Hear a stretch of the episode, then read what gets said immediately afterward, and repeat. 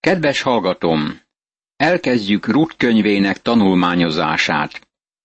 Az egyik első könyvemet a következő címmel írtam. Rut könyve a megváltás románca. Szemináriumi és egyetemi éveim alatt nagyon foglalkoztatott ez a könyv. Megvolt az a kiváltságom, hogy felekezeti egyetemre és főiskolába járhattam, ahol a tanári kar nagyon élesen megoszlott a modernista és a fundamentalista fölfogás tekintetében. Manapság úgy nevezik a két csoportot, hogy liberálisok és konzervatívok. Egyes professzorok liberálisok voltak, mások konzervatívok teológiai álláspontjuk szempontjából. Őszintén szólva, bementem az egyik osztályba, és hallottam valamit, aztán közvetlenül mellette átmentem egy másik osztályba, és ott annak az ellenkezőjét hallottam. Az foglalkoztatott nagyon akkoriban, hogy az üdvösség kérdésében úgy tűnt, hogy a liberálisok kerülnek ki győztesen. Mintha ők nyerték volna meg az ütközetet. Ez zavaróan és kiábrándítóan hatott rám, mivel konzervatív álláspontot képviseltem, és nem tudtam megérteni, hogy a mi oldalunk miért nem tudta jobban képviselni álláspontját a megváltás tana tekintetében. Egy éjszaka, amint kutattam könyvtáramban, kezembe került Calvin Institúciók című alapos munkája. Megfigyeltem, hogy amikor Calvin írt az ószövetségi megváltó típusokról, megemlítette Mózest, és meglepetésemre Sámsont is, de kihagyta Boázt, akinek története le van írva Rút könyvében. Úgy tűnt, hogy fölfedeztem a nehézség kulcsát. Konzervatív szempontból a megváltást úgy mutatták be, mint üzleti szerződést, amelyben Krisztus megfizette vérével a mi üdvösségünket. Jól lehet, lényegében ez igaz volt, és ezt elhiszem teljes szívemből, de nem gondolom, hogy a megváltás hideg üzleti szerződés, és hiányzik belőle minden személyes elem. Ehelyett a megváltás románc, szerelmi történet, ami azzal a tényel kezdődik, hogy mert úgy szerette Isten a világot, hogy egyszülött fiát adta, hogy aki hisz ő benne el ne vesszen, hanem örök élete legyen. János evangéliuma, harmadik rész, tizenhatodik vers. A megváltás kulcsa a szeretet. Még Simon Péter is ezt írta. Őt szeretitek, pedig nem láttátok. Péter első levele, első rész, nyolcadik vers. János apostol így írt. Abban nyilvánul meg Isten hozzánk való szeretete, hogy egyszülött fiát küldte el Isten a világba, hogy éljünk általa. János első levele, negyedik rész, tizenkilencedik vers. Pálapostól a kereszt árnyékában állva tekintett föl, és így szólt. Aki szeretett engem, és önmagát adta értem. Galata levél, második rész, huszadik vers. A megváltás a legnagyszerűbb szerelmi történet a világon, mert e világ teremtőjének szerelmi története, aki a mi üdvözítőnké lett. Miért jött el, hogy megváltson minket? Mert szeretett minket. Mi az ő teremtményei vagyunk. Bűnösök vagyunk, semmi sem érdemlünk. Fellázadtunk ellene. Annak a ténynek a fényében, hogy az emberiségnek szabad akaratot adott, neki teljesen joga van ahhoz, hogy megítéljen és megsemmisítsen minket, és eltávolítson jelenlétéből örökre. De a Szentírás csodálatos bizonyság tétele az, hogy ő szeret minket. Azt hiszem, Isten szívének mélyéből kiált fel Izraelhez. Hogyan adnálak oda Efraim? Hogyan szolgáltatnálak ki Izrael? Hogyan adnálak oda, mint Admát, hogyan bánnék veled úgy, mint Szebóimmal? Megindult a szívem, egészen elfogott a szánalom. Hóseás könyve, 11. rész, 8. vers. Még lázadásunkban, szennyünkben, szeretetlenségünkben is ezt mondhatja Isten. Nem adhatlak föl téged, szeretlek téged. Isten szeretete a megváltásban nem eléggé kap hangsúlyt az iskolában. Milyen izgalmas volt nekem, amikor rájöttem, hogy a megváltás nem egy hordó tetején kötött, pusztán hűvös üzleti egyezmény, hanem Isten története, aki szeret minket. Mivel Boáz előképe az Úr Jézus Krisztusnak, mint megváltónak, azért írtam könyvet Rut könyvéről. A megváltás egy kiváltó rokon története, aki nem törődött a költségekkel, sem a nyerességgel vagy a veszteséggel, hanem örömmel megfizette a kimondhatatlan árat azért, akit szeretett. Rut könyve egy kis idegen lány történetét írja le, aki a moábiak pogányságából és bálványimádásából jött ki. Olyan népből származott, amely sok tekintetben kibetett volt, és megismerte Izrael istenét, az urat, ahogy Boáz mondta, akinek szárnyai alá jöttél oltalmat keresni. Rut könyve csak négy rövid fejezetből áll, de ez egy hatalmas aranyrög, rendkívüli üzenettel. Valójában számos üzenet van benne. Megadja nekünk azt a nemzetség táblázatot, amely az Úr Jézus Krisztushoz vezet, és megmagyarázza, hogy az Úr Jézus miként származott Dávid családi vonalán. Vannak kommentátorok, akik azt az álláspontot képviselik, hogy Rut könyvének elsődleges célja az, hogy megadja a nemzetség táblázatot, amely Jézushoz vezet. Egyetértek azzal, hogy ez fontos célja a könyvnek, de nem hiszem, hogy ez lenne az elsődleges célja. Kyle és Delics ezt a nyilatkozatot teszi. A 17. vers utolsó szavai, ez volt Dávid apjának, Isainak az apja, bemutatják azt a témát, ami a szerző szeme előtt áll, amikor leírja ezeket az eseményeket, vagy megszerkeszti magát a könyvet. Ezt a feltételezést bizonyossággá teszi az utána következő nemzetség táblázat, amivel a könyv zárul. Eddig az idézet. Rut könyve nagyon fontos Jézus Krisztus világra jövetelével kapcsolatban.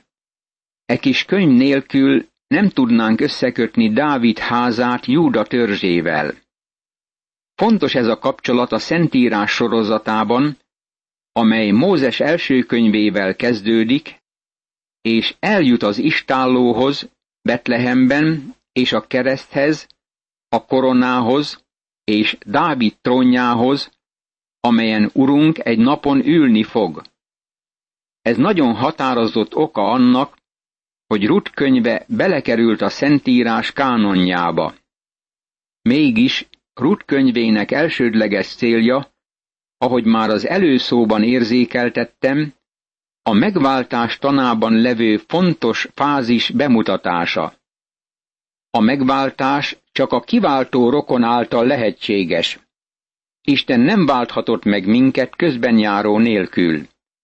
Mivel csak Isten adhat megváltást, szükségessé vált, hogy ő legyen ez a személy. Boáz mutatja be az egyetlen képét a kiváltó rokonnak a megváltás szempontjából, ami annyira lényeges az engesztelés bármilyen helyes nézete szempontjából. Rút könyve lejön a mi szintünkre, és egy házas pár általános történetét mondja el, akik szerették egymást.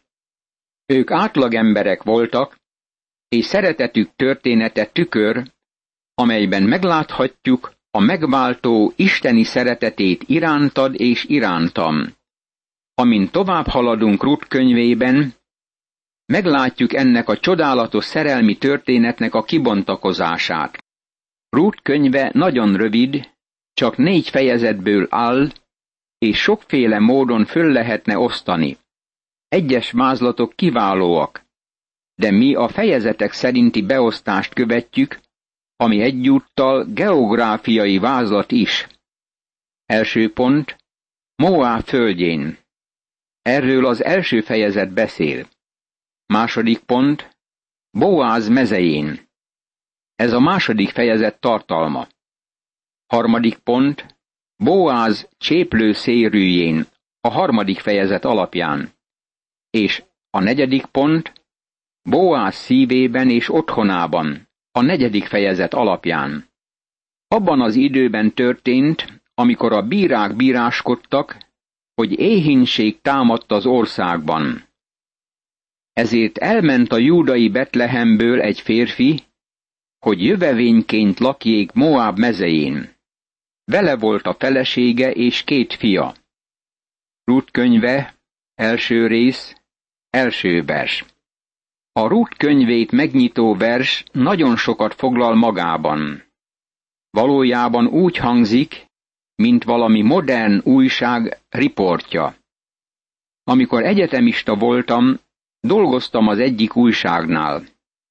Mint riporter kimentem néhány más riporterrel együtt, és megismerkedtem az egyik város kiadó központjával, ahol nagyon kedves ember fogadott, és próbált nekem minden tekintetben segíteni. Igyekeztem írni egy esetről, aminek tanúi voltunk egy este, és a kéziratot átadtam a városi szerkesztőnek. Elolvasta, majd félretette, és azt mondta, hogy nem tudja fölhasználni. Aztán elmondta, hogy a cikkírásnál nagyon fontos, hogy az első mondatban szerepeljen az időpont és a hely, ahol az esemény történt. Valójában így szólt. Tegyél bele az első mondatba olyan sokat, amennyit csak tudsz. Legközelebb, amikor fontos cikket olvasol az újságod első oldalán, figyeld meg, hogy mennyi információt tartalmaz a megnyitó mondat.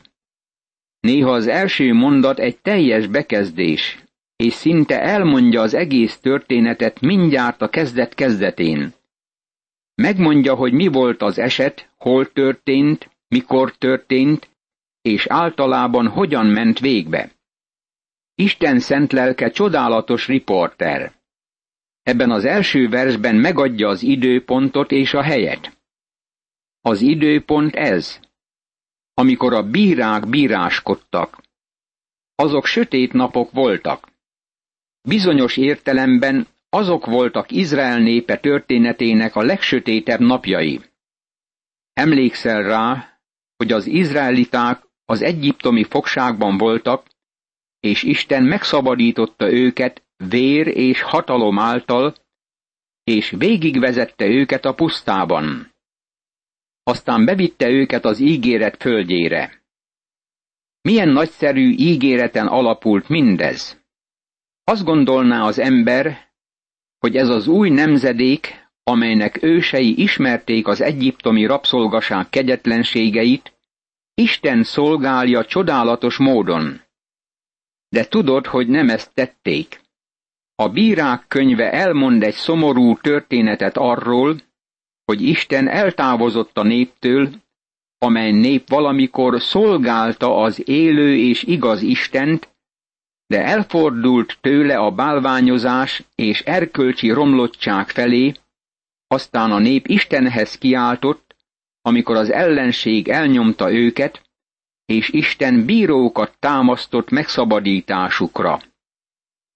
Egyetértek azokkal, akik azt mondják, hogy a világnak ébredésre van szüksége, mert különben háborúba süllyed.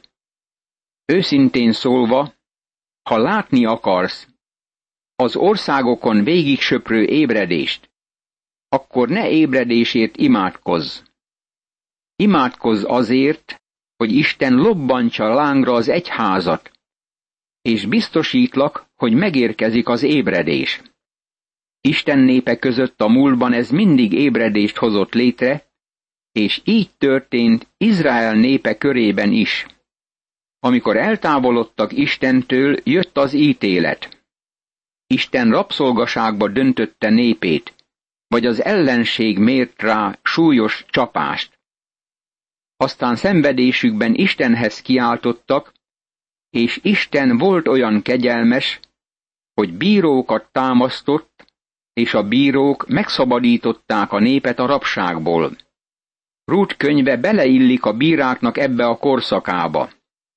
Az itt följegyzett események a bírák korának sötét hátterében történtek, amikor olyan emberek kerültek előtérbe, mint például Sámson.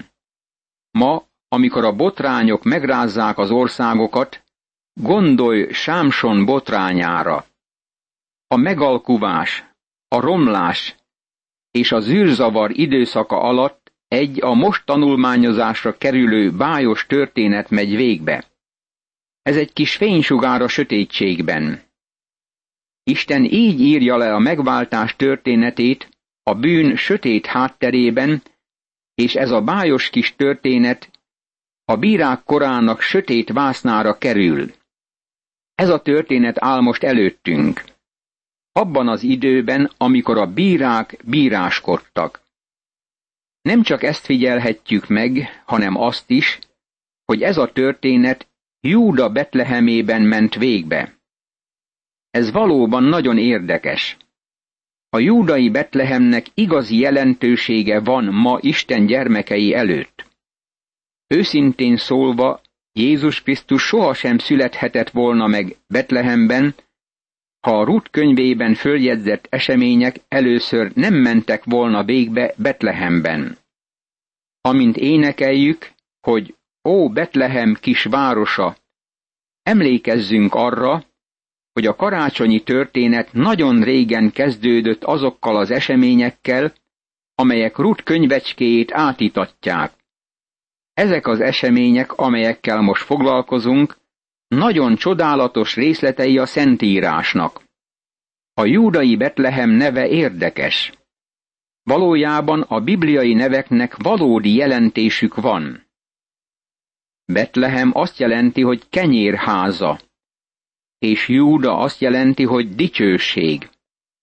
Ez a város csodálatos lakóhely volt, ha valaki a kenyérházában és a dicsőség fényében élhetett. Ruth története ott kezdődik, és ott is ér véget. Jézus is Betlehemben született. Mivel a bibliai nevek, különösen az Ószövetségben fontos jelentést hordoznak, nagyon sokat veszítünk, ha nem fordítjuk le a neveket. Kívánom, hogy mi is ezt tegyük. Némelyik Bibliában vannak jegyzetek, és azok felsorolják a nevek jelentéseit. Ez gazdagítja Isten igéjének az üzenetét, és ebben az esetben is ez a helyzet. Ezért elment a júdai Betlehemből egy férfi, hogy jövevényként lakjék Moab mezején. Vele volt a felesége és két fia. A kenyér és a dicsőség házában él, de elmegy Moab országába. Van valami Isten igéjében Moabról, ami nagyon érdekes. Csak nem humorosnak mondható. A 108. Zsoltár tizedik verse ezt írja. Moab pedig a mosdó medencém. Isten ezt mondja Moabról. Láthatod, a moábiták kivetettek voltak. Úgy is értelmezhetnénk ezt a kifejezést, hogy Moáb az én szemétládám. Vizsgáljuk meg ezt a képet egy kicsit. Itt van egy család, egy bizonyos férfi, a felesége és két fia. Átmennek Moáb földjére. Elhagyják a kenyérházát és a dicsőség házát, és átmennek, hogy egyenek a szemétládából. Hallottad-e valaha ezt a történetet? Bizonyos vagyok benne, hogy ez azonnal emlékeztet arra a példázatra, amelyet urunk mondott a tékozló fiúról. Elhagyta édesapja házát, ahol bőségben élt, és elment egy idegen országba, ahol szerette volna megtölteni a gyomrát a disznóknak adott eledellel. Nem gondolom, hogy az úr csak kitalálta ezt a történetet. Valójában nem gondolom, hogy ő gyártotta a példázatokat. Azt hiszem, minden példázatban egy valódi esetet mondott el. Valószínűleg sok olyan fiú volt abban a korban, akire érvényes lehetett a példázat. Attól a kortól kezdve a mai napig az a történet szó szerint milliók életében megismétlődött. Beszéltem egy fiatalemberrel nem sokkal ezelőtt, aki elszökött hazulról. Ez volt az ő története is. Aztán elfogadta az urat, és azonnal a dolgozó szobámból hívtuk az édesapát. Mennyire örült az édesapa! Azt a történetet már nagyon sok fiú átélte. De itt egy tékozló család története van előttünk. Amikor éhínség csapott az országra, távoztak. Megrémültek. Apjuk, Ábrahám is megrémült. És amikor éhínség érte az országot életideje alatt, Egyiptomba menekült. Most itt van egy másik éhínség. Ez egyike annak a tizenhárom éhínségnek, amiről szó van a Bibliában. Minden esetben, amikor éhínségről beszél Isten igéje, akkor az az inség az Istentől érkező ítélet. Ez nem csak a bírák szomorú napjainak a kora, hanem ez a sötét napok legsötétebb ideje, amikor ez az eset lejátszódik. Nem hitték el, hogy Isten gondoskodhat róluk a kenyér és a dicsőség házában, ezért elmenekültek Moáb földjére. Imádkozzunk! Mennyei édesatyám!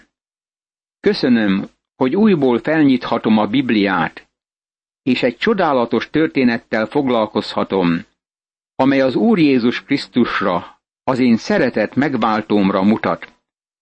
Adj bölcsességet és figyelmet, és szent lelked vezetését, hogy e könyvben levő üzeneteket és tanulságokat szívembe és elmémbe véssem, és aszerint igyekezzem élni. Ámen.